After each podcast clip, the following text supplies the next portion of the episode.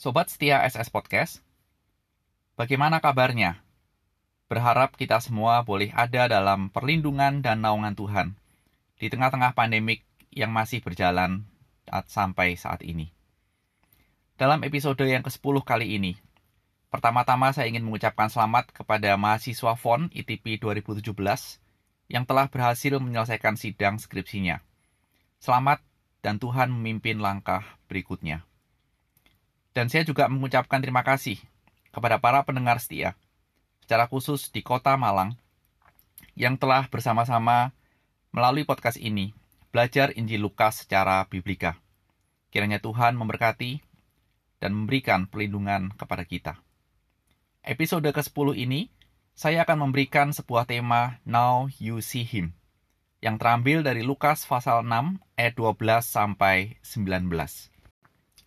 Pada waktu itu, pergilah Yesus ke bukit untuk berdoa, dan semalam-malaman ia berdoa kepada Allah. Ketika hari siang, ia memanggil murid-muridnya kepadanya, lalu memilih dari antara mereka dua belas orang yang disebut Rasul. Simon, yang juga diberi namanya Petrus, dan Andreas saudara Simon, Yakobus dan Yohanes, Filipus dan Bartolomeus. Matius dan Thomas, Yakobus anak Alfeus, dan Simon yang disebut orang Selot. Yudas anak Yakobus, Yudas Iskariot yang kemudian menjadi pengkhianat. Lalu ia turun dengan mereka dan berhenti pada suatu tempat yang datar. Di situ berkumpul sejumlah besar dari murid-muridnya dan banyak orang lain yang datang dari seluruh Yudea dan dari Yerusalem dan dari daerah pantai Tirus dan Sidon. Mereka datang untuk mendengarkan dia dan untuk disembuhkan dari penyakit mereka juga mereka yang dirasuki oleh roh-roh jahat beroleh kesembuhan.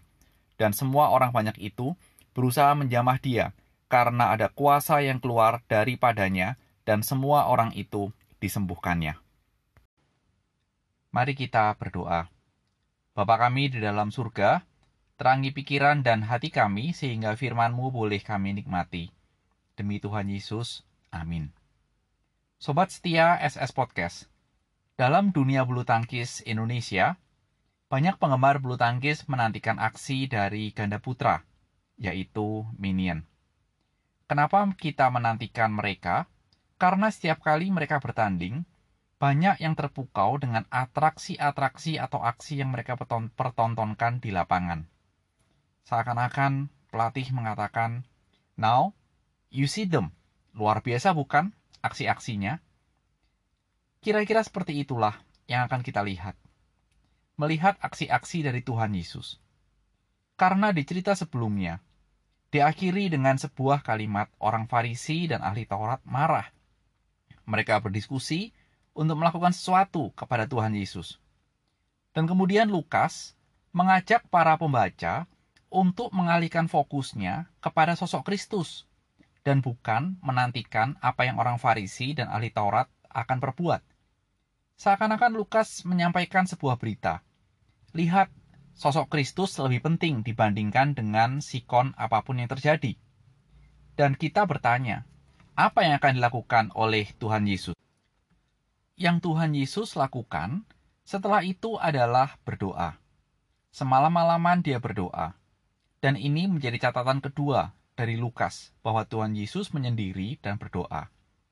Dan hal ini dilakukan oleh Tuhan Yesus sebelum dia mengambil sebuah keputusan penting, yaitu memilih murid-muridnya menjadi rasul, menyembuhkan, dan mengajar dalam ucapan berbahagia.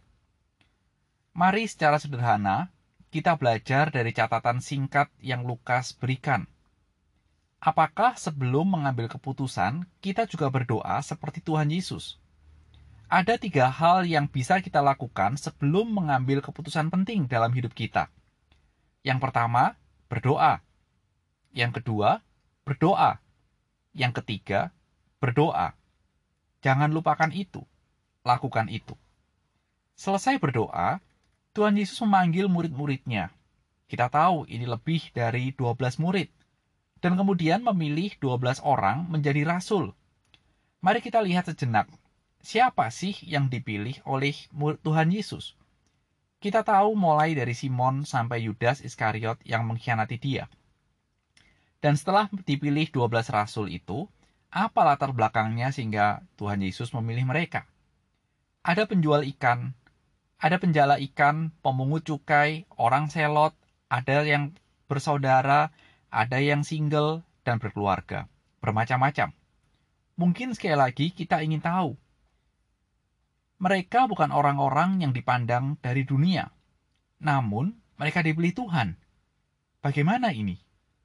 Bila menggunakan bahasa yang Rasul Paulus tuliskan dalam 1 Korintus ayat 1 pasal 1 ayat 27 sampai dengan 28, firman Tuhan berbunyi, "Tetapi apa yang bodoh bagi dunia, dipilih Allah untuk memalukan orang-orang yang berhikmat, dan apa yang lemah bagi dunia, dipilih Allah untuk memalukan apa yang kuat, dan apa yang tidak terpandang dan yang hina bagi dunia, dipilih Allah, bahkan apa yang tidak berarti, dipilih Allah untuk meniadakan apa yang berarti." Menarik bukan bila kita merenungkan dari kacamata yang ditulis oleh Rasul Paulus. Setelah pemilihan murid-murid menjadi rasul, Lukas memberikan informasi yang bisa dikatakan sangat luar biasa. Lukas menyebut bahwa ada orang dari empat daerah, yaitu Yudea, Yerusalem, Tirus, dan Sidon. Mereka semua mencari Tuhan. Untuk apa? Tercatat ada yang ingin mendengar pengajaran Tuhan Yesus.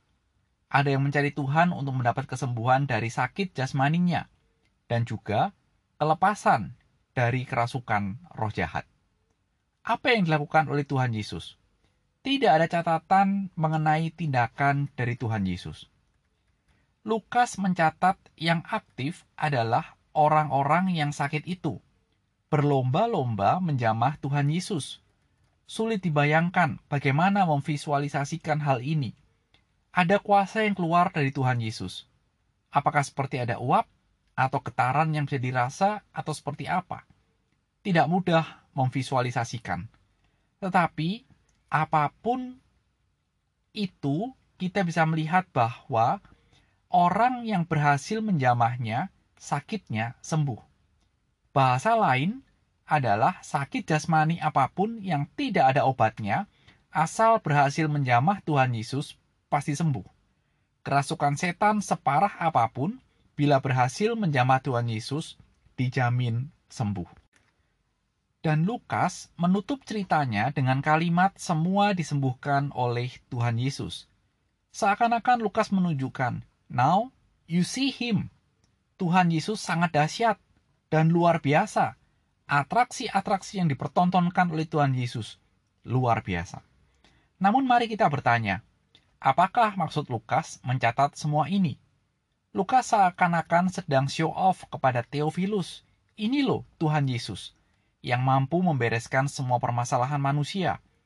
Di sisi lain, Lukas ingin mengatakan juga bahwa perbuatan ajaib seperti itu bukan tujuan utama kedatangan Kristus.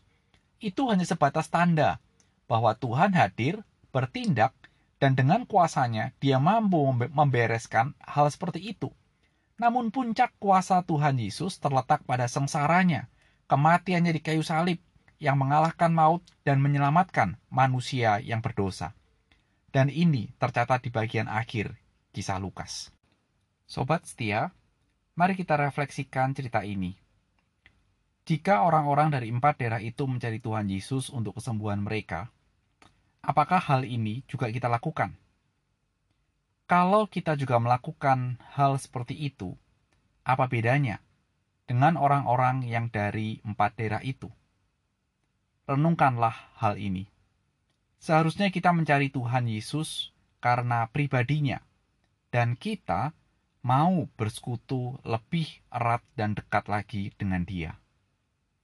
Dan yang kedua adalah renungkan Apakah kesembuhan itu membuat mereka berbahagia? Perhatikan teksnya, karena di situ tidak ada catatan sama sekali. Dan ini akan menjadi penghantar singkat untuk kita boleh masuk dalam pengajaran Tuhan Yesus mengenai ucapan berbahagia. Tentang hal bahagia akan dibahas di berikutnya. Tuhan ampuni kami, karena sering kali kami mencarimu hanya untuk mencari pertolongan sehingga kami keluar dari masalah kami. Amin.